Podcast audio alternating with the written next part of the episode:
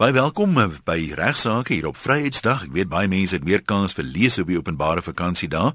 Dalk het jy al Ignas Kleinsmid se boek Wat sê die prokureur regsaake wat jou raak gelees. Indien nie, skaf hom aan. Daar's nog vakansiedae wanneer jy weer 'n leeskansie gaan hê. Baie praktiese handleiding, klomp praktiese regsraad wat hy gee en daar's onder andere ook 'n paar voorbeelde van ooreenkomste in soos 'n saamwoonooreenkoms en 'n ooreenkoms wat jy vir jou huiswerker kan opstel. Die boek is in die boekwinkels, na lê die uitgewers gee hom uit saam met RSG.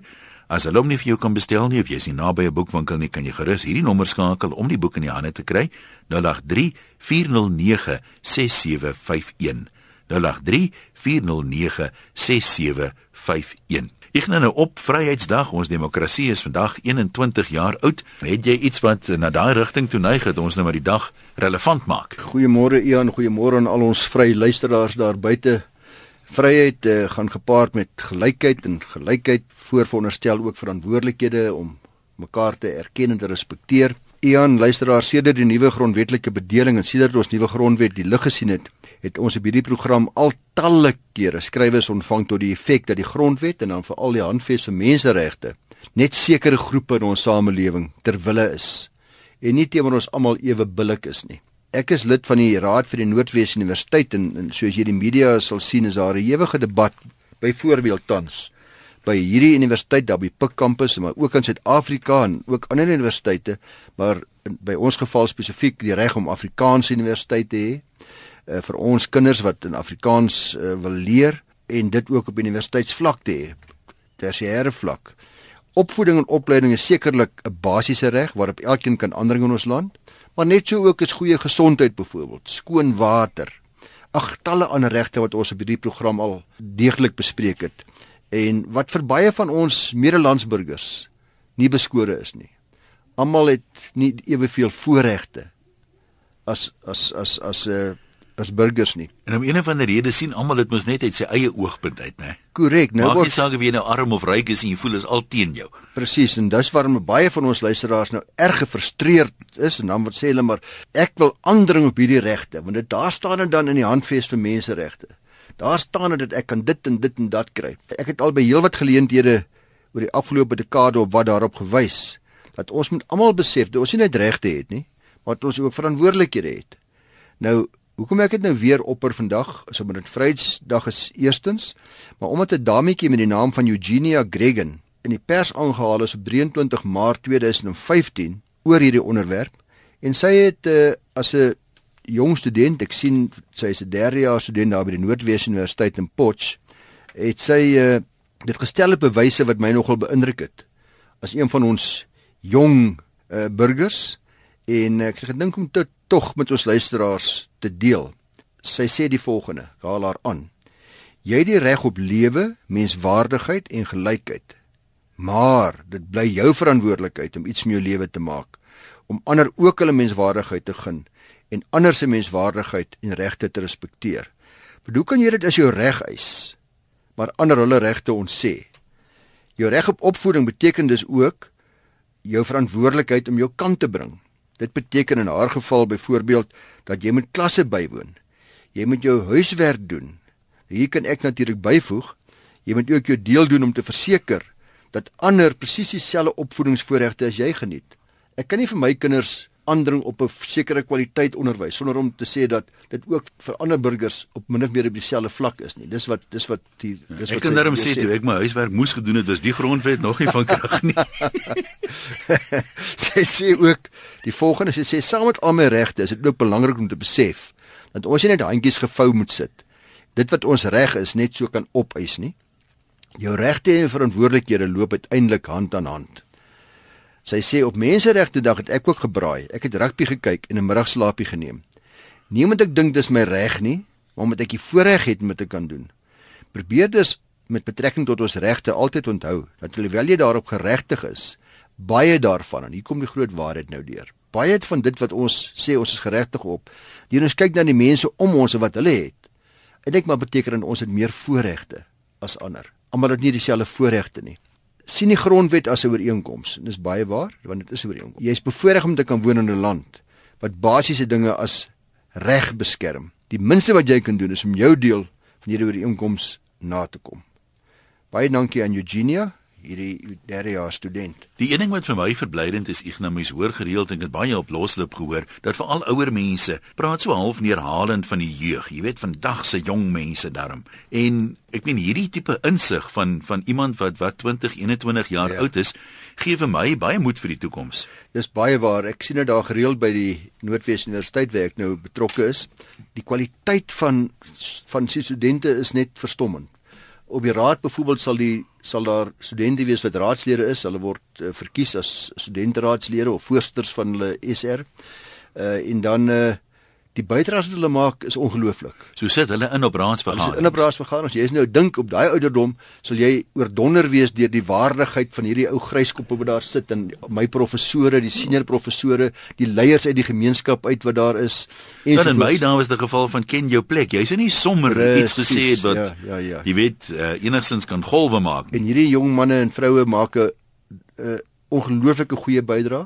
Ek nie dat mense noodwendig altyd saamstem nie, maar die wyse waarop hulle doen, uh die goeie oratorskap waarmee dit plaasvind en dikwels ook die die bravade op 'n mooi manier waarmee dit plaasvind beïndruk my elke keer. Maar nie net daar nie, ons kom ons maar sien uit die uit uit uit dit wat ook pennevrug wat uit jong mense se uh, van hulle afkom is dikwels baie beïndruk. Kyk net na die matriek uitslaa. Ons ons kan nou klaar daaroor en sê dit is nou ag dit is 'n klomp nonsens. Almal kan nie so baie onderskeidings kry nie. Maar daar's ongelooflike talent onder die jeug van Suid-Afrika. Dan praat ek van die jeug van alle kleure. Ja, en ek dink die les wat 'n mens miskien ook hieruit kan leer is eh, so baie mense die uitgangspunt van dis my standpunt en as jy van my verskil, dan is jy noodwendig verkeerd en hulle probeer jou oorhaal na hulle standpunt toe. Wat seker aan die een kant 'n goeie ding is, maar die die hoe mense debat voer en hoe jy van ander mense verskil. Ek meen as ons net 'n bietjie meer respekvol kan verskil en sê ek stem nie met jou saam nie, maar dis jou goeie reg wat sê die filosoof wat gesê het ek sal jou reg om van my te verskil tot die dood toe verdedig. Ja. As ons daai uitgangspunt kan 'n bietjie meer omarm, dink ek sal dit ook heelwat beter gaan. Is so waar een en dan eh, kyk die mense nou weer byvoorbeeld na hierdie debat oor standbeeld. Dan besef jy in elke gemeenskap, in elke land is daar ongelukkig ekstremiste. Daar's groepe van ver links of ver regs, maar gelukkig ook in ons land is hulle altyd 'n klein minderheid. Die mense wat nie besef dat ander se regte met goeie debat gerespekteer kan word en uiteindelik oplossings gevind kan word wat almal tot 'n mate se regte in ag neem nie. Die mense wat net wil afbreek, standbeelde moet afgebreek word. Maar gelukkig sien jy sien dat al ons groot politieke partye wat met waardigheid wil die debat voer, stem saam met jou. Dan kom ons kyk na mekaar, kyk, kom ons kyk hoe kan ons die verlede onthou op 'n wyse wat ons nie wat ons almal se regte in ag neem en uiteindelik by 'n goeie eindresultaat uitkom. Uh so dit is wat baie waar. En ek op Vrydag gedink ek is dit 'n les wat ons almal maar ter harte kan neem. Ja, ons is so halfpad met deel 1, so ons kan nog 'n onderwerp inpas. Ja, ons regte of ons vryhede is natuurlik ook dikwels afhanklik daarvan dat ons leiers se magte beperkings het. En dan kyk ons na die leerstuk van skeiding van magte. In 1748 reeds het Baron de Montesquieu 'n boek gepubliseer waarin hy die leerstuk van trias politica, beter bekend as die skeiding van magte, tussen dis nou wetgewende, regsprekende en uitvoerende gesag, uit hierdie begrip in die wêreld toe bekend gestel. Nou hierdie leerstuk het sedertdien 'n merkwaardige invloed gehad op die hele wêreld. Die grondwetlike ontwikkeling van lande soos Amerika en natuurlik in Suid-Afrika sedert 1994 kan ook maar die oorsprong gevind word in in hierdie boek van hierdie uh, spesifieke baron. Die skeiding van magte dan ook in onlangse dae luisteraars die mantra geword van openbare beamptes of instellings om te verhoed dat hulle aktiwiteite deur die howe hersien of ondersoek word. In baie gevalle is hulle steen dan uh, gebaseer op 'n leerstuk, 'n misplaaste steen. Duidelik hulle begryp dit nie altyd mooi nie. En uh, is dit dan ook belangrik miskien om vandag op Vryheidsdag 'n bietjie meer akademiese bespreking net met u te deel 'n meer in diepte bespreking van hierdie leerstuk en die toepassing daarvan deur ons grondwetlike hof. Uh, jammer dat dit so bietjie meer akademies en swaarder is normaalweg, ja, maar ek dink tog is 'n baie belangrike debat. Veral vandag. Dis reg. Dat die doel van hierdie leerstuk luisteraars uh, het 'n doel om te verhoed en dis eintlik maar die basis dat te veel mag in een spesifieke deel van ons verskillende drie sfere bestaan. Te veel mag veral in die staat sentreer. Soos hierdie Montesquieu geskryf het, ek haal hom aan. Wanneer die wetgewende en uitvoerende magte byvoorbeeld in een persoon verenig word, wetgewing en uitvoer, Nou, ek kan dink wat kan daar geen vryheid wees nie sê. Vryheid is dan onmoontlik. Dis amper soos Yuri en Laxman in dieselfde persoon. Korrek, ja. Daar's geen universele model natuurlik vir die skeiding van magte nie. Daar's ook geen absolute skeiding van magte nie. Ons grondwetlike hof, konstitusionele hof het erken dat hierdie leerstuk nie vas en rigied is nie en dat dit tog altyd nog onderhewig moet wees aan verskeie soorte van wigte en teenwigte. Baie van Suid-Afrika se hybride regstelsel, soos ons weet, is gebaseer by Engelse regluisteraars, wat in beginsel maar 'n parlementêre stelsel is, uh, waarin die wetgewer en uitvoerende gesag tot 'n sekere mate saam funksioneer en so bietjie oorvleuel.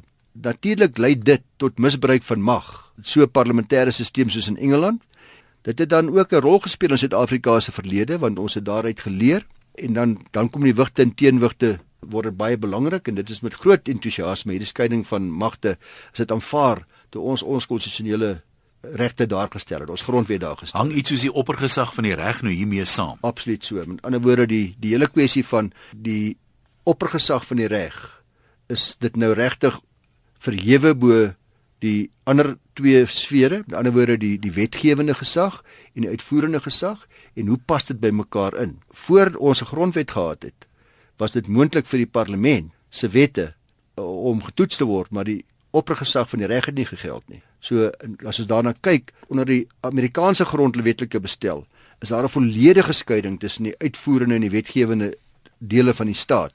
Die Amerikaanse Kongres hou al die wetgewende magte terwyl die uitvoerende mag in die president gevestig is en natuurlik die regsprekende mag in die hoogste hof. Geen een van hierdie magte uh kan 'n ander aanval of verwyder of uh, negeer nie en geen lid van die presidentskabinet mag gelyktydig ook deel wees van die wetgewende gesag terwyl hy natuurlik deel is van die uitvoerende gesag nie. Nou hierdie toepassing van die leerstuk is duidelik onderskeibaar van dit wat in Suid-Afrika plaasvind. By ons is daar wel oorvleueling. Dit word nie spesifiek genoem in die finale teks van die grondwet nie, maar dit is tog baie duidelik dat uit die grondwetlike beginsels dat dit baie interne deel is, baie duidelike deel is van ons grondwet. In ons model van die leerstuk word funksies altyd afgebaken en geskei, maar nie altyd is dit dat dit deur verskillende persone uitgevoer moet word. Lede van die uitvoerende gesag, daar is voorbeelde waar hulle ook deel is van die wetgewende gesag en eh, of wetgewende gesag wat weer lede is van die regsprekende gesag ensovoorts. So daar is 'n bietjie oorvleueling by ons wat uh, wat aandag geniet en wat van tyd tot tyd sal 'n kop uitsteek in ons howe dat daar uh, uitsprake daaroor is en so ontwikkel ons van mettertyd die model vir ons skeiding van magte leerstuk. As jy kyk na 'n oorsig oor die stedel uitsprake van ons hof, dan demonstreer dit die alreeds erkenbare buigbaarheid van hierdie leerstuk. En ondersteun dit die voorspelling wat ons grondwet 15 jaar gelede gemaak het. Die grondwetlike hof uh, in 'n uitspraak gesê dat Suid-Afrikaanse howe mettertyd 'n kenmerkende Suid-Afrikaanse model sou ontwikkel. Dan is daar uh, die saak die certification saak.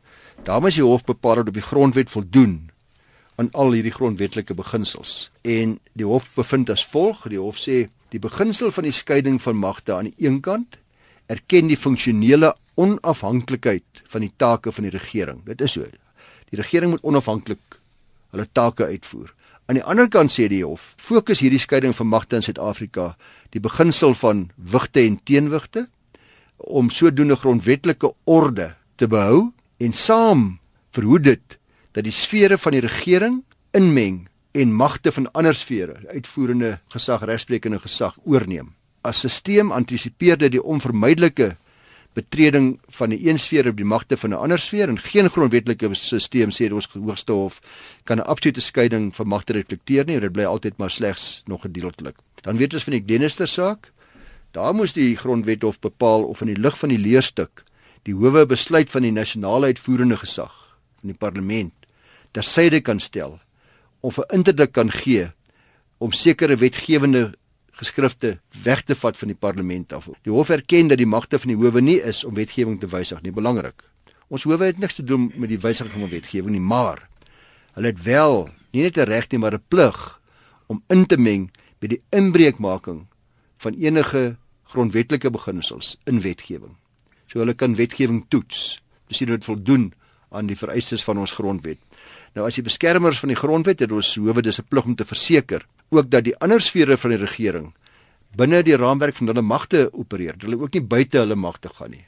Aan die woorde uitvoerende gesag is uitvoerende gesag. Jy kan nie ook regsprekende gesag inmeng nie of jy kan ook nie met die uh, wetgewende gesag inmeng nie. En dis belangrik dat die hof daai daai skeiding moet handhaaf en dat hulle plig het om seker te maak dat daai beginsel soos in die grondwet uh, duidelik verskans dat dit uh, gehandhaaf word.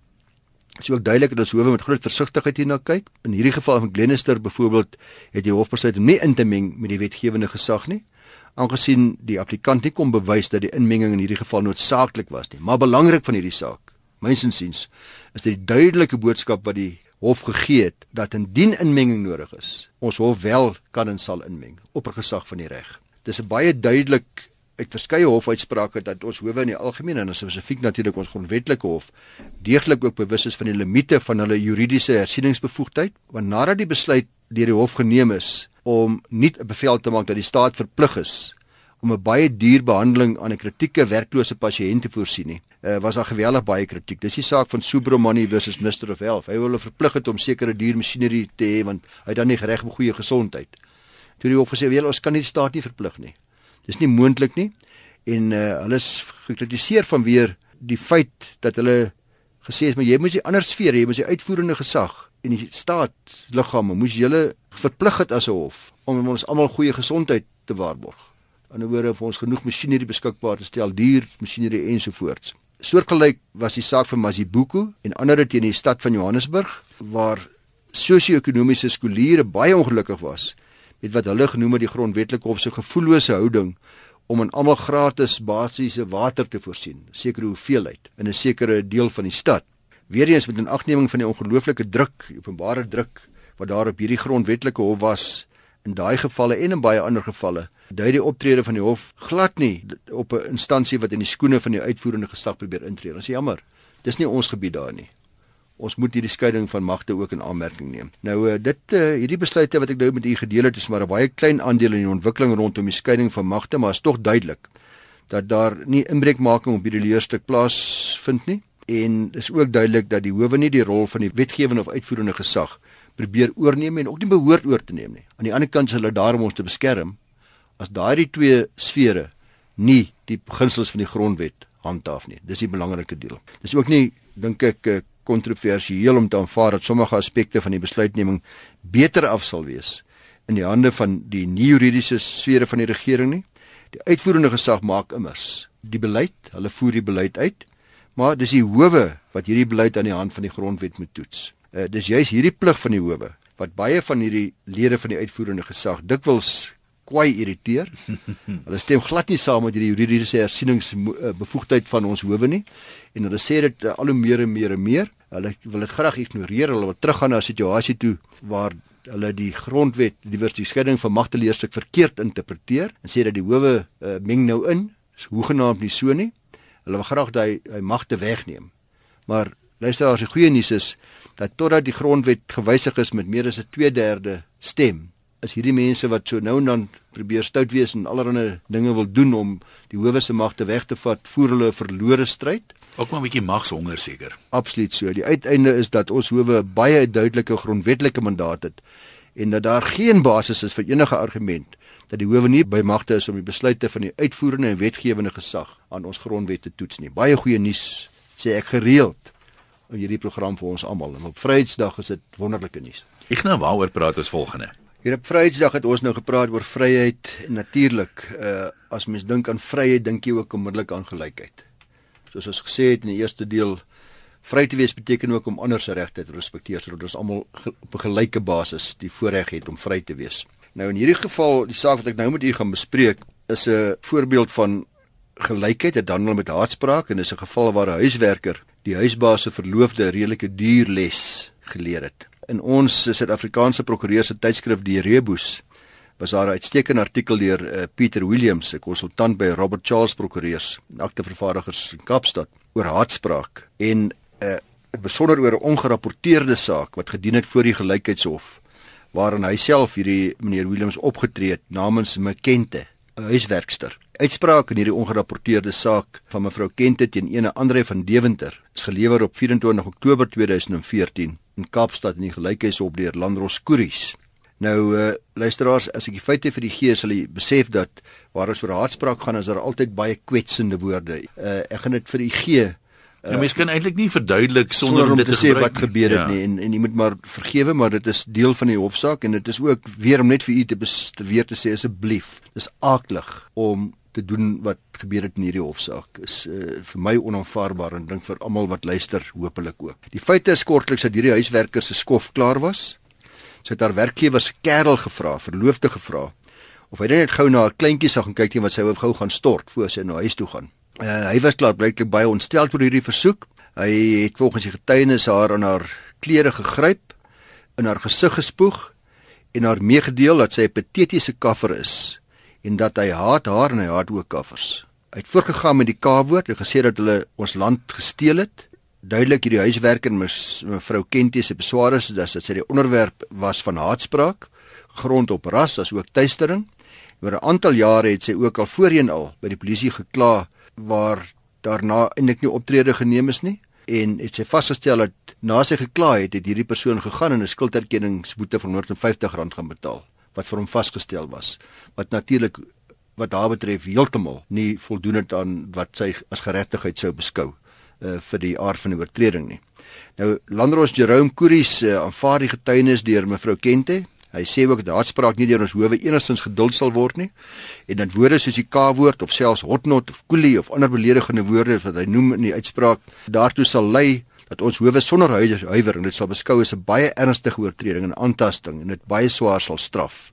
Die gelykheidswet, ook bekend as die bevordering van gelykheid en die voorkoming van onbillike diskriminasie wet, die bevordering van gelykheid en die voorkoming van onbillike diskriminasie wet is wet 4 van 2000 maak spesifiek voorsiening luisteraars dat die slagoffers van haatspraak skadevergoeding kan eis vir hulle vernedering. Uh die degradering wat hulle ondergaan, die pyn wat hulle moet deurgaan as gevolg van hierdie haatspraak.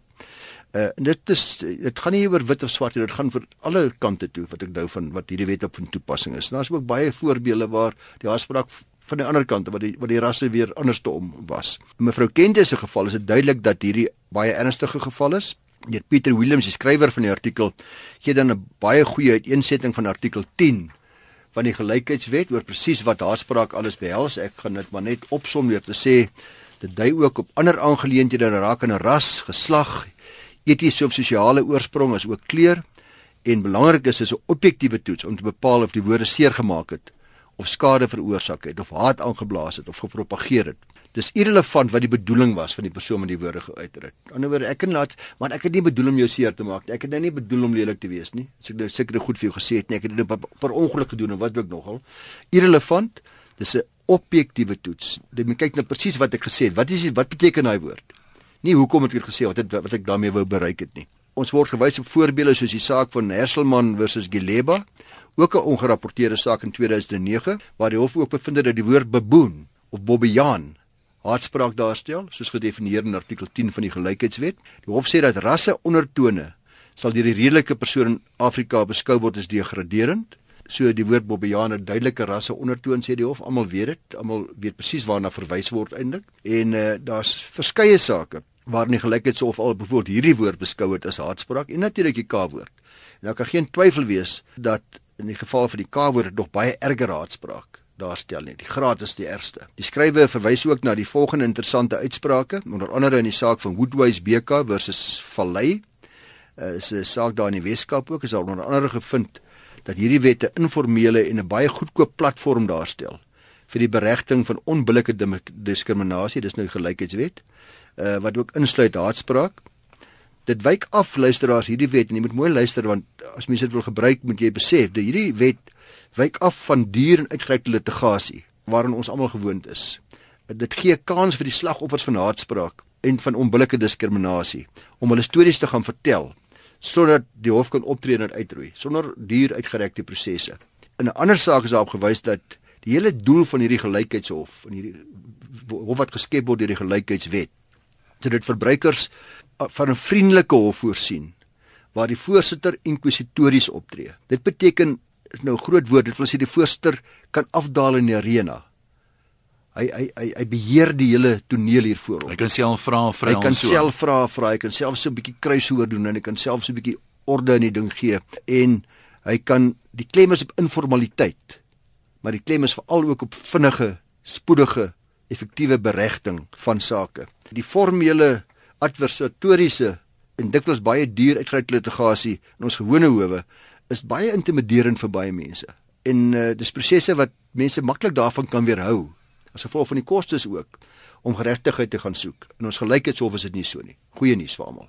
Hy hoef kan gebruik word. In die saak van Manong en Associates versus die uh, stad van Kaapstad en ander, ondanks 'n appelhofsaak, sê ondanks 2011, wys die hof daarop dat artikel 20 subartikel 2 van hierdie wet daarvoor voorsiening maak dat 'n persoon wat stappe wil instel in die gelykheidshof dit maklik kan doen deur bloot die klerk van die gelykheidshof mee te deel van daai voorneme Hy kry dan 'n voorgeskrewe vorm wat hy moet voltooi, soos in eh, daai wet het ingesit en dis 'n bekort en bondige wyse wat hy sy klag uiteensit. En ek moet ook daarby sit artikel 5 van hierdie wet sê dat die wet nie van toepassing is waar die Employment Equity Act, die wet op gelyke indiensneming, ekskuus, is 'n 1998 wet waar hy van toepassing is nie.